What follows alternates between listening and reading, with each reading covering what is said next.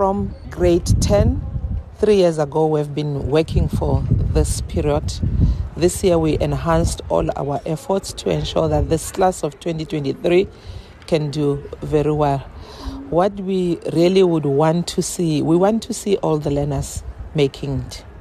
However, we do understand that uh, there might be others due to other circumstances that would not be able to go through.